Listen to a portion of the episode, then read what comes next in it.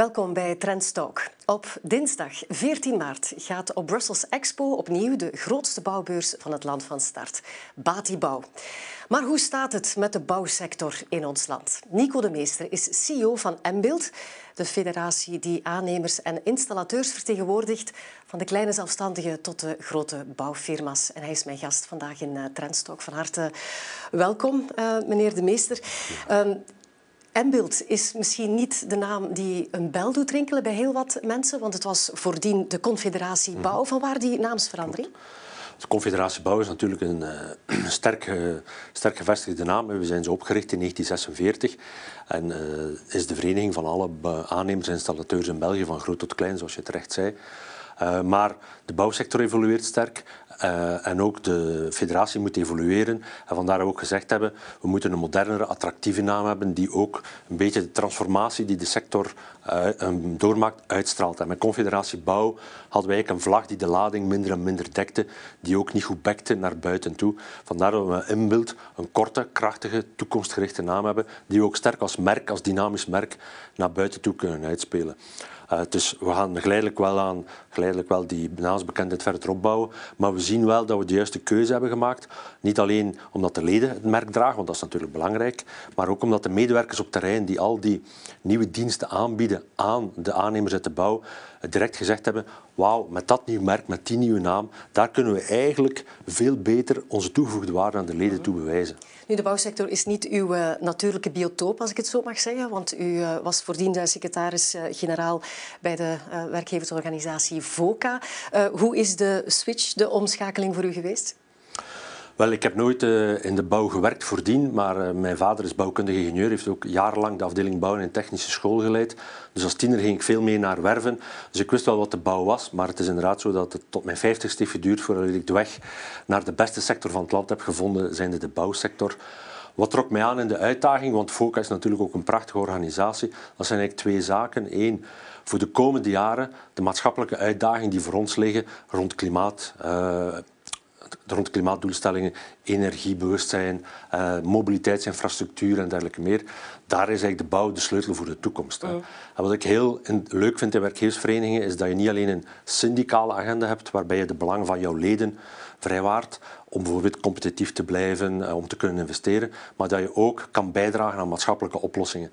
En ik denk dat we toch wel met recht en reden kunnen zeggen dat de bouw de komende jaren gaat bijdragen aan die maatschappelijke oplossingen. Dat was eigenlijk de eerste motivatie. Tweede motivatie is, zoals ik daarnet zei, de bouwsector uh, verandert snel.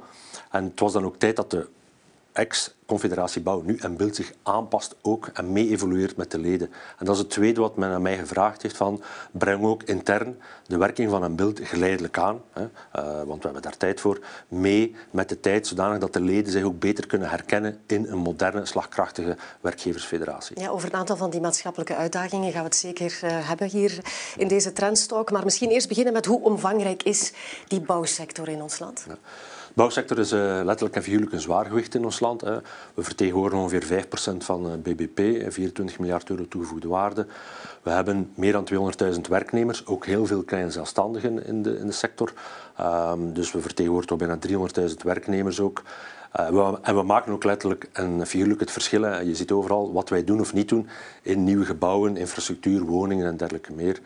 Dus het is toch wel een van de belangrijkste sectoren in ons land. En in elk cliché zit een grond van waarheid. Zoals men zegt, als het met de bouw goed gaat, gaat het met de hele economie goed. Dus het is inderdaad ook zo dat wij aan het begin van de investeringscyclus, als het bij ons goed gaat, dat wil ook zeggen dat iedereen later, de industrie, de consument, blijkbaar ook plannen heeft om de economie te doen groeien. Dus uh, ik ben altijd blij als ik kan zeggen dat het goed gaat in de bouw. Niet alleen voor de bouw, maar omdat we dan ook weten dat vroeg of laat de rest van de economie zal volgen. Ja, u sprak net over, er zijn heel wat uh, kleine aannemers, ook zelfstandigen. Toch zien we in de sector een grote trend naar consolidatie. Grotere bedrijven die fusies aangaan of overnames uh, doen. Welke rol kunnen die kleine bedrijven nog spelen? Het is zo dat die kleine bedrijven toch het kloppend hart blijven van, van de sector. Hè. we hebben meestal klein zelfstandigen tot KMO's. Het gemiddelde bedrijf in onze sector telt zeven werknemers. Hè. Uh, dus het zijn echt heel kleine bedrijven. Het is waar dat de tendens naar schaalvergroting iets wat toeneemt, maar zelfs onze grootste bedrijven, Basics, uh, Jan de Nul, Deme, zijn ook nog altijd familiaal gedreven. Hè. Dus die slagen er wel in om de groei te combineren met dat behoud van die verankering als familiaal bedrijf gerund worden. Dat is toch ook een kracht van de bouw. Voor de kleine aannemers blijft er meer dan werk genoeg. Ze kunnen actief zijn in niches of ze kunnen mee opgaan in grotere consortia en projecten. Want zelfs voor grote bouwaannemers is de specialisatie dermate belangrijk dat ze niet alle specialisaties in house hebben en dus ook daar in partnerships en onderaanneming verder beroep willen en moeten kunnen blijven doen op die kleine aannemers. U sprak daar straks over maatschappelijke uitdagingen. Laten we er alles in de eerste uh, aanboren. En dat is natuurlijk de hoge eisen die gesteld worden aan, uh, tegenwoordig aan, uh, aan, aan, gebouwen, aan oude gebouwen. Als we kijken in ons land, 80% van de woningen zijn gebouwd voor 1985. 1% is in zeer slechte staat. Um, de vraag die men dan stelt, is het, loont het de moeite om te renoveren of zou men dan toch niet beter opteren voor nieuwbouw? Ja. Wel, het zal een en-en-verhaal zijn. Waarom? Om snelheid te maken, om voldoende woningen klimaatneutraal te krijgen tegen 2050, gaan we en tegelijkertijd nieuwbouw, en sloop- en heropbouw en renovatie moeten hebben. We renoveren en we, en we bouwen en verbouwen huizen aan ongeveer een rato van 1% van ons woningpark in Vlaanderen, 30.000 per jaar. Eigenlijk moeten we er 90.000 per jaar klimaatneutraal krijgen. Dus we moeten maal drie. En dat kun je niet bereiken door exclusief op één spoor in te zetten. Ten tweede is het ook zo dat we natuurlijk de uh, energievereisten en klimaatvereisten voor huizen en woningen ook in balans moeten brengen met een ander belangrijk maatschappelijk issue, dat is het vrijwaren van de open ruimte. Uh, waar ook iets voor te zeggen valt. Hè. Vlaanderen is uh, met veel volk, veel industrie, veel landbouw, druk bebouwd. Als we de laatste snippers groen willen vrijwaren, moeten we dat evenwicht vinden. Dus dat wil zeggen dat we zeker niet alleen ongebreideld op nieuwbouw kunnen inzetten, waarbij we nieuwe, uh, verse groene grond aansnijden. Renovatie alleen, daarvan zullen we het ook niet halen, want dat gaat te traag. Plus, er is ook uh, de woningnood de komende jaren. We gaan extra nieuwe woonunits in appartementen, in huizen of in andere woonconcepten moeten bijcreëren. Vandaar dat we ook het derde spoor, sloop- en heropbouw, gaan moeten bekijken op bestaande percelen die nu al zijn ingenomen door woningen, maar die compleet verouderd zijn, zoals je zegt. Dat we zeggen, we gaan die huizen gewoon helemaal slopen en direct een nieuwbouw, maar op hetzelfde stuk grond gaan zetten die direct klimaatneutraal is. En het zal uit de combinatie van de drie zijn, doorgedreven renovatie, veel meer inzetten op sloop- en heropbouw, en dan als laatste spoor in Vlaanderen alvast verder inzetten op nieuwbouw, waar het mag en kan. En ook op een klimaatneutrale manier. Bijvoorbeeld vandaag in de pers is er het uh, energieveld in Wijk de Bouvry, in, uh, Wijk Bouvry in Brugge, waar men eigenlijk een heel nieuwe wijk gaat bouwen in een bestaand stadsdeel, met daaronder direct een, een geothermisch energieveld. Dat zijn typische oplossingen waarbij dat we en klimaatneutraal en modern bouwen en schaal kunnen halen in één keer. Dus dat is zeker een van de meest beloftevolle projecten voor de komende jaren. Er wordt ook, over, ook gesproken over uh, offset bouwen. Dat zijn eigenlijk een soort van prefab stukken die elders worden gebouwd en dan toegepast worden. Bijvoorbeeld in het uh, renoveren van, uh, van, van oudere gebouwen. Is dit de oplossing? Zou dit het renoveren kunnen versnellen? We denken van wel. Um, we moeten eigenlijk af van de slechte connotatie van de prefab van vroeger, zoals we dat kenden. Uniforme huizen, slechte kwaliteit.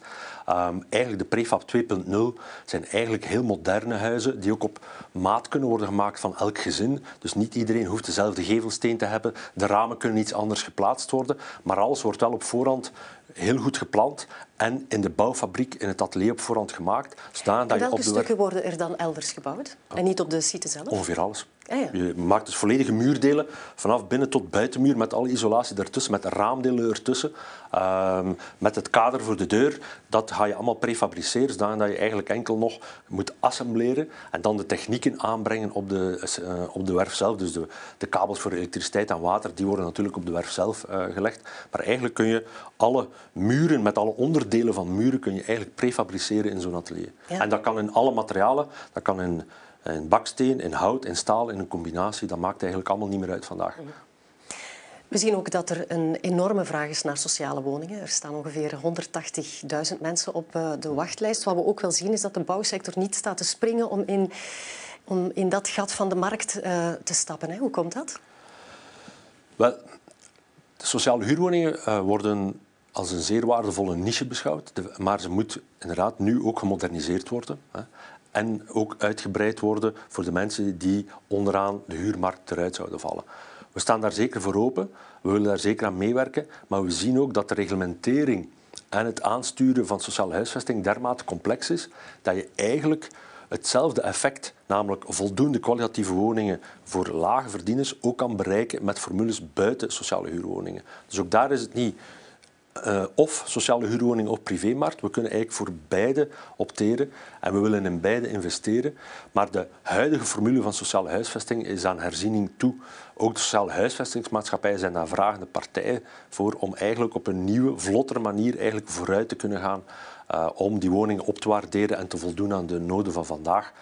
Uh, maar aan de onderkant van de markt is er niet alleen ruimte voor sociale huisvesting, maar ook voor sociale huur via privé-aanbieders. Ja, maar het, verrast me wel wat u zegt, want uh, een aantal jaren geleden was er een reglementering, was er een verplichting, zeker bij nieuwbouwprojecten, waarbij dat de bouwheer een aantal sociale uh, ja. woningen moest voorzien, ook om een sociale mix uh, te creëren, ook om te stimuleren van het bouwen van sociale woningen. Het is de bouwsector zelf die naar het grondwettelijk hof is gegaan om die reglementering te niet te doen, wat ook ja. gebeurd is, omdat er niet eerst via Europa is gegaan om te zien of ja. dat er geen onregelmatige subsidies zouden gegeven worden.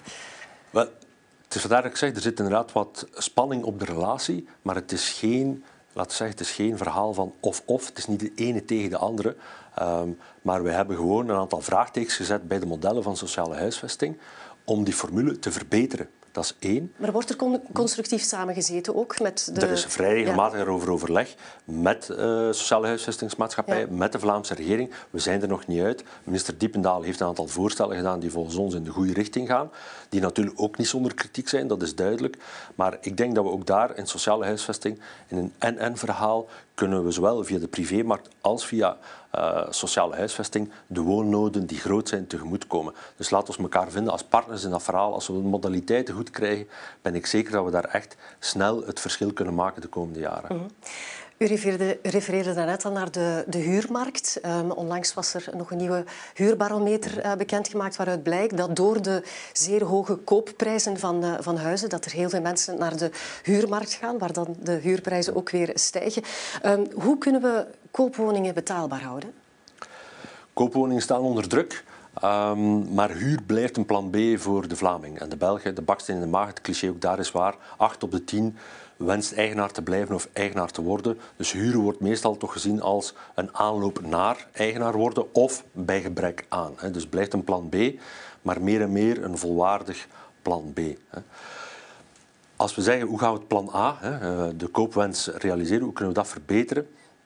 Dat kunnen we verbeteren op een aantal manieren. De eerste manier is wat ik net heb gezegd. Als we naar offsite bouwen, prefabricatie, standaardisatie kunnen gaan, dan kunnen we naar lang het geval 30, 40 procent van bouwfouten en vertraging vermijden, waardoor dat je niet alleen sneller, maar ook goedkoper zou kunnen bouwen. En dat zou de prijsstijgingen moeten kunnen afremmen of idealiter misschien zelfs de prijs kunnen doen dalen. Maar dan moeten we massa hebben in de markt. Hè. Want dat is natuurlijk het gevolg van standaardisatie, prefabricatie. Dat, dat wordt maar rendabel als je een grote massa woningen op die manier kan, kan gaan zetten. Dus dat is zeker een trend die zich zal doorzetten de komende jaren uh, op dat punt. Tweede is dat we ook eens moeten kijken uh, in onze koopmarkt naar de financiering door de banken. We hebben daar heel goede relaties mee met de, met de de Federatie van de Banken. Zij worden ook op ons bouwforum volgende week uitgenodigd als spreker om uit te leggen hoe de banken kijken naar die verwerving van woningen. Wat zien we vandaag? Dat is dat er natuurlijk een beetje kramp zit bij de particulier om te kopen, omdat de rente verdrievoudigd is van ongeveer 1,5% naar 3,5 en iets meer procent. Op zich is dat nog altijd een zeer lage rente, lager dan inflatie. Dus negatieve reële rente wil zeggen dat het nog altijd beter is om te lenen, hè, eh, want de schuld wordt weggesnoept door de inflatie, of uh, je spaargeld te laten eroderen. Dus op zich is de rentevoet op zich niet belemmerend om vandaag aan te kopen, zijn een nieuw huis te bouwen of uh, te gaan verbouwen. Maar het verhoogt maar natuurlijk wel de totale kost. Het verhoogt de kost ja. en we zien een aarzeling in de markt. Uh, we denken wel dat zich dat gaat, uh, dat gaat weg hebben, want de mensen zullen wel doorhebben vroeg of laat dat het beter is om toch verder te investeren. Maar, excuseer, het tweede belangrijk verhaal daarin is, hoe wordt eigenlijk de rentelast bepaald die, door de banken? Vandaag is het zo dat je eigenlijk dikwijls soms hogere rentevoeten hebt of een hogere eigen inbreng moet doen als je een verouderd huis koopt. Waarom? Want de bank zegt ja, dat is eigenlijk een verouderd asset. De hypotheekwaarde daarvan is niet zo groot, dus moet je zelf meer inleggen. eigenlijk zouden wij graag hebben, en we zijn daarover in constructief met de gesprek met de bank, maar we zijn er nog niet, dat eigenlijk daar de banken meer ontlening geven aan mensen die een verouderd huis kopen, zodat ze daarmee het geld, geld hebben om hun huis goed te renoveren. Daardoor besparen ze laten we zeggen 100 à 300 euro per maand kunnen ze besparen op de energierekening. En die kunnen ze gebruiken om die hogere aflossing dan ook te gaan betalen. Mm. Dus ons voorstel zou zijn, in plaats van minder of duurder te lenen aan mensen die een verouderd huis kopen aan de banken, nee, geef daar juist een grotere lening aan, met natuurlijk het engagement dat de terugbetaling dan ook sneller of verhoogd kan gebeuren aan rato van de energiewinst. Die gesprekken lopen, hoe ver staat het daar dan mee? Wel, de banken staan daar zeker niet afkerig tegenover, maar zij zijn momenteel aan het bekijken hoe zij dat kunnen combineren met hun eigen reglementering rond risicomodellen. Uh, en het is natuurlijk wel zo dat de regelgeving vanuit de Europese Unie verstrengd is geweest de afgelopen jaren op wat men noemt het asset management van de bank.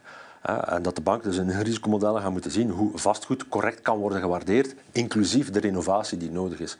Dat vraagt tijd. We gaan ervan uit dat de banken het belang daarvan ook zien en dat dat binnen enige tijd zal komen, maar dat zal misschien nog wel een paar maanden. Ik hoop uh, niet meer dan een jaar, maar dat zal nog wel een paar maanden vragen voordat dat dat eigenlijk goedgekeurd geraakt en dan in de kredietmodellen van de banken geraakt. Uh -huh. Er zijn ook mensen die van mening zijn dat we toch wel te maken hebben met een vastgoedbubbel. Anderen kijken naar het buitenland en zeggen nee, onze, de prijzen van ons vastgoed dat valt eigenlijk nog behoorlijk mee. Wat, welk standpunt neemt u in? de Nationale Bank heeft een studie gemaakt eh, eind vorig jaar. Het bleek dat er toch niet zoveel overdrijving zit op de Belgische vastgoedprijzen. Dat er hier en daar wel wat eh, oververhitting was. Dat was ook duidelijk in 2021, vlak na corona, dat er echt koopwoede was uh, op vastgoed. Dat is nu afgekoeld. Ook de recente cijfers in de pers tonen aan dat de vastgoedmarkt wat afkoelt. Dus ik denk dat we naar een nieuw gezond evenwicht uh, vrij snel aan het evolueren zijn in de vastgoedmarkt. Wat daarbij helpt, is eh, in Vlaanderen de renovatieverplichting is ingevoerd sinds 1 januari, waardoor iedereen die een appartement of een huis aankoopt verplicht is om binnen de vijf jaar dat te renoveren naar niveau D. Waardoor we zien dat de particulier zegt, ja, als ik dan een oud huis koop met slechte energieprestatie, dan ga ik veel geld moeten steken in renovatie.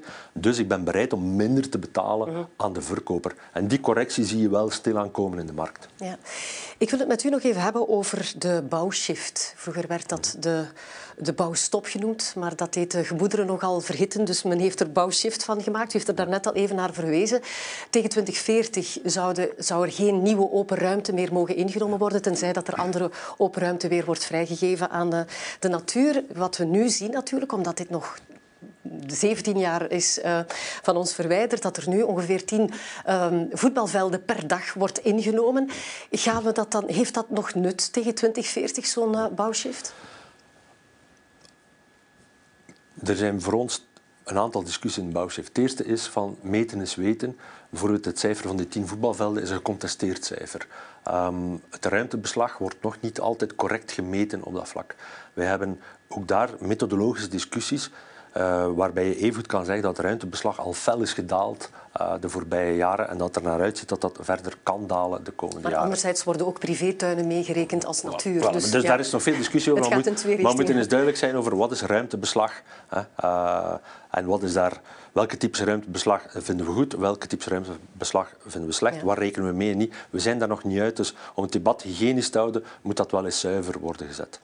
Nu, ten tweede, wat dan los van de meting eh, de grond van de zaak betreft, dat we al vrij volgebouwd zijn, ehm, moeten we eigenlijk ook daar kijken naar de goede modaliteiten. We hebben gisteren ook nog duidelijk aangegeven voor de provincie Vlaams-Brabant, hebben we gezegd, kijk, het beleidsplan Ruimte Vlaanderen, dat zit op spanning. Wat men daar vraagt naar verdichting versus de woonnood, dat gaat eigenlijk kortsluiting creëren tussen vraag en aanbod. En wij zeggen daarom niet dat de verdichting moet worden weggegooid, maar men moet wel beseffen dat verdichting per vierkante meter duurder is dan het aansnijden van de groene open ruimte. Dat is technisch gewoon zo. Grondwaarde is duurder. Het is complexer bouwen in dichte stadskernen om allerlei redenen. Dus verdichting is waarschijnlijk een maatschappelijk wenselijk pad, maar het is een veel duurder pad. Hij moet daar dus de consequenties van nemen. Afhankelijk natuurlijk welke waarde dat men natuur geeft. Afhankelijk van welke waarde men natuur geeft. Maar naast de prijs per vierkante meter is het ook zo dat we kwantitatief gaan moeten kijken wat we gaan doen. Want in een aantal streken, en Vlaams-Brabant par excellence, denken we ook dat er kwantitatief enorme nood gaat zijn aan bijkomende woningen de komende jaren. En we mogen die zeker niet alleen invullen met aansnijden van groene open ruimte, maar we gaan die ook niet alleen kunnen invullen met de huidige manier van werken rond verdichting. En dus als men verdichting echt als enige spoor wil geven, waar maatschappelijk iets voor te zeggen valt, dan gaan er een aantal technische vereisten, maar ook economische vereisten versoepeld moeten worden, want anders gaan we er gewoon niet geraken. Niet zozeer als bouwsector, maar dan gaan de kosten voor de particulier, voor de klant uiteindelijk, niet meer betaalbaar worden. Nu, er is ook uh, berekend hoeveel dat die lintbebouwing in ons land kost, want dat maakt uh, ons publiek transport veel duurder bijvoorbeeld, ook het aanleggen van uh, nutsvoorzieningen. Ehm, de voormalige bouwmeester, Leo van Broek, is natuurlijk de grote pleitbezorger voor verdichting zegt ook dat we lintbebouwing zouden moeten opgeven. Zeker het teruggeven aan de natuur van gebieden waar dat er vooral verouderde gebouwen staan. Ik neem aan dat de bouwsector daar niet zo blij mee is om bepaalde gebieden echt wel los te laten. We gaan hier niet terugbouwen, ook al is dat nu bouwgrond. Wel, dit is een voorbeeld van discussies over verdichting. Um, het is niet zo dat wij als bouwsector gelukkig worden van het aansnijden van een groene open ruimte. Wij kunnen even goed ons business maken in verdichting in stadskernen. Alleen moet men daar dan de parameters juist voor zetten. Ik ga er twee geven. De vergunningscyclus duurt veel te lang. Het is veel te moeilijk en veel te complex om snel voldoende woonunits in stadskernen te kunnen bijbouwen.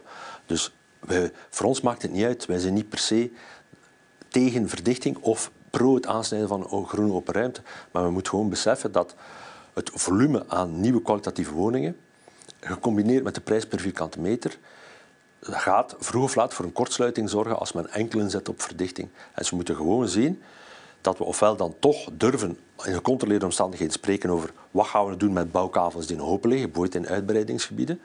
Of gaan we moeten zeggen, als we plan A, verdichting volledig willen doorvoeren, dat we daar alle modaliteiten naar kostprijs, vergunningen en dergelijke meer gaan versoepelen.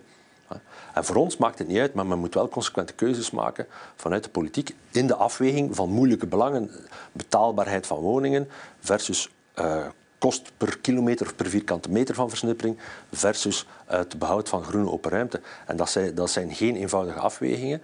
Wij zijn niet degene die daar een, een, een laat zeggen, een, um, een monopolistische visie op hebben. Wij geven gewoon de pro's en contra's van verschillende pistes aan wij, wij gaan bouwen volgens de vereisten die men ons oplegt. Maar wij geven gewoon aan dat keuzes en dilemma's niet simpel zijn in zaken verdichting versus woonuitbreiding voor de komende jaren. Ja, daaraan gerelateerd is ook het feit dat we in ons land, in Vlaanderen, te maken hebben met zeer grote waterschaarste.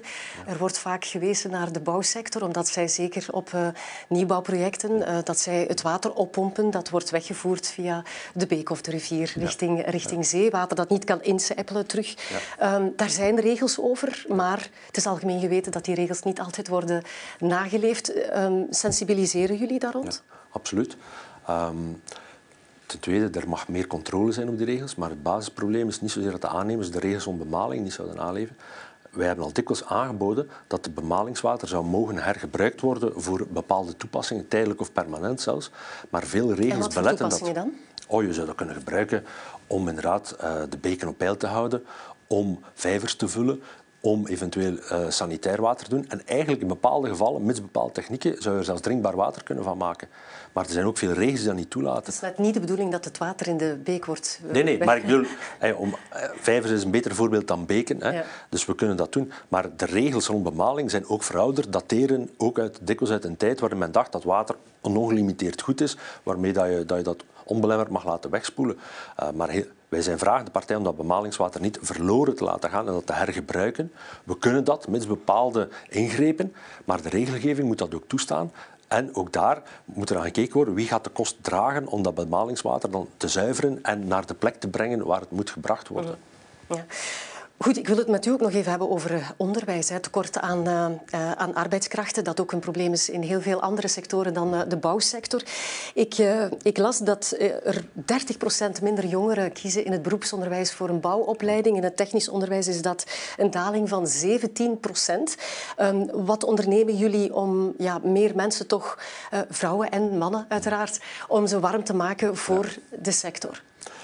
Wel, wij proberen dan natuurlijk, zoals uh, alle sectoren, uh, zijn we slachtoffer van een algemeen probleem, het watervalsyndroom in Vlaanderen, waarbij technisch onderwijs wordt ondergewaardeerd ten aanzien van het algemeen onderwijs. Uh, wij zetten daarop in sinds jaar en dag met campagnes. Wij zijn actief in scholen en onder leiding van Inbeeld Vlaanderen zetten wij ook al jaren in op duaal leren. En we zien ook dat de cijfers daar wel toenemen. Duaal leren is eigenlijk ja, de 2.0 van het beroepsonderwijs en het technisch onderwijs van vroeger. Dat bestaat toch al enige tijd? Hè? bestaat al enige tijd. De proefprojecten lopen goed. En we, we zien nu dat potentieel er komt om eigenlijk snel uit te breiden, maar dat we nog meer de scholen enthousiast moeten krijgen. De leerplicht is verlengd tot 18 jaar, wat op zich een goede zaak is. Maar vroeger was het zo dat veel jongeren die ja, schoolmoe werden op 14 of 16, vroeger de schoolbanken konden verlaten en eigenlijk onder andere in de bouw vroeg, aan vroeger aan de slag konden.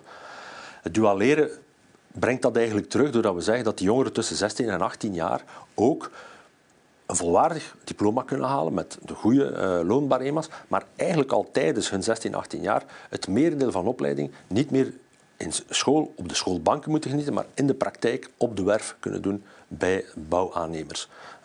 En dat model werkt. Het begint te werken in Vlaanderen, het werkt al lang goed in andere landen, dus we hopen echt dat we daar door mee kunnen geraken uh, voor de komende jaren.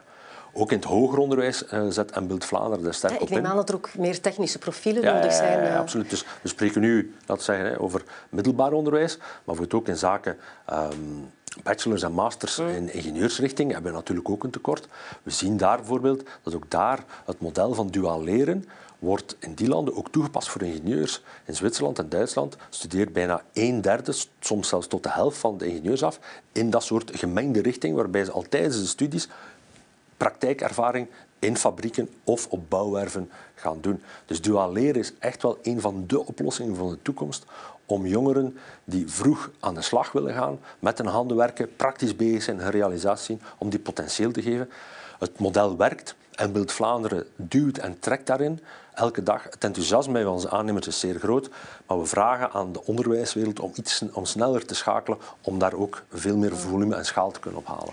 Ja, en voorlopig wordt dat tekort opgelost bij, met het aantrekken van buitenlandse werkkracht. Heeft u zicht op hoeveel uh, buitenlandse werkkrachten actief zijn op onze werven? Ja. We hebben ongeveer een 35.000 gedetacheerde buitenlandse werknemers per jaar. Ongeveer. Sommigen komen maar een dag, anderen komen drie maanden. Dat, dat schommelt een beetje. Um, het is ook wel stabiel en gedaald tegenover vroeger. Wat we eigenlijk zien is dat daar de loonlastverlaging die de vorige federale regering specifiek voor de bouw heeft ingevoerd, via een korting op bedrijfsvoorheffing, heeft eigenlijk direct tot effect gehad dat het economisch minder voordelig werd om met buitenlanders te werken, waardoor men toch iets meer met mensen van hier in België en Vlaanderen is beginnen werken. Dus het, daar is het zo dat wij zeker niet verder outsourcen naar uh, derde landen toe. Uh, dat, dat aantal is ongeveer stabiel gebleven. De echte oplossing zal wellicht ook komen van die standaardisatie prefabricatie. Omdat we vandaag eigenlijk zien dat meer jongerenwarm voor de bouw zal lukken. We zetten daarop in, maar het zal een lange termijn proces zijn. Meer buitenlanders aantrekken is ook geen eenvoudig spoor. Maar eigenlijk kunnen dat we... zorgt wel voor communicatieproblemen vaak op de werf, wat ook weer de, de veiligheid... Ook, eh, dat, dat geeft allerlei problemen ja. die we ook oplossen. De veiligheid stijgt elk jaar op onze werven, maar het is natuurlijk altijd moeilijker met buitenlanders. Je moet weten, op grote werven hangen de instructies soms uit op 16 verschillende talen. Uh, om iedereen te zorgen dat iedereen veilig kan werken. De echte oplossing gaat komen uit die automatisatie, standaardisatie, prefabricatie, waardoor we dus eigenlijk per werknemer veel meer volume aan bouw gaan kunnen maken. Uh, en dan gaan we eigenlijk kunnen alle bouwwerken realiseren die we willen. Vandaag zien we dat veel aannemers 20% vraagcapaciteit niet kunnen invullen omdat er niet voldoende mensen zijn. En dus wij gaan geen mensen wegsaneren via automatisatie. Wij gaan iedereen die er is vandaag, dus ongeveer die 300.000 mensen die in het bouwwerken kunnen blijven houden. Maar we gaan met die 300.000 mensen veel meer kunnen produceren als we nog veel meer dan vandaag gaan automatiseren en prefabriceren. Mm we moeten het uiteraard ook nog hebben over Batibouw. Hè? Dat uh, start uh, komende week. Uh, welke rol speelt Mbild in uh, Batibouw? Wel, wij zijn een van de stichtende partners van Batibouw al meer dan 60 jaar. Dus dit is voor ons natuurlijk een evidentie dat we daar staan. we staan daar vanaf dag één. we hebben onze stand voor het groot publiek. Uh, maar wij gaan ook adviessessies geven naar het groot publiek toe, hoe je bijvoorbeeld een betrouwbare aannemer kan uh, selecteren, goed contract kan onderhandelen. We hebben ook speciale sessies over energiegebruik, omdat dat natuurlijk een hot topic is uh, vandaag. En als kroon op het werk gaan wij vrijdagmorgen voor meer dan 500 aannemers en spelers uit de bouwwereld ons jaarlijkse hoogmis organiseren, Bouwforum, waar we eigenlijk gaan tonen wat we kunnen, maar ook al de aanloop nemen naar de verkiezingen 24. Daar gaan we eigenlijk het startschot geven voor discussie en voorstellen wat wij verwachten van de volgende Vlaamse regering en federale regering voor de komende jaren. Ja, en niet verrassend, het thema dit jaar is duurzaamheid. Ja, absoluut. Betaalbaar en duurzaam wonen is een hot topic overal. Dat gaat zowel binnen en binnen de bouwfederatie, binnen de politiek en ook in elke familie is dat, uh, familietafel is dit een van de gespreksonderwerpen. Ja. Uh, omdat de baksteen in de maag wil ook zeggen dat men hem betaalbaar en duurzaam wil houden. Ja, thema's waar we het eh, vandaag over gehad hebben. Hè. Zeer, zeer drukke tijden voor u met de Batibouw in de aantocht. Dus heel erg bedankt om naar onze studio te komen en voor dit fijne gesprek. Dank je wel. Dank je wel. Volgende week exploreren we hoe het winkelen er zal uitzien in 2030 of zelfs 2050. Welke evoluties ziet Gino van Ossel, retail-expert aan de Vlerik Business School? Dat is voor volgende week in Trendstalk met Jan de Meulemeester. Bedankt voor het kijken of luisteren als u naar de podcast heeft geluisterd en heel graag tot een volgende keer.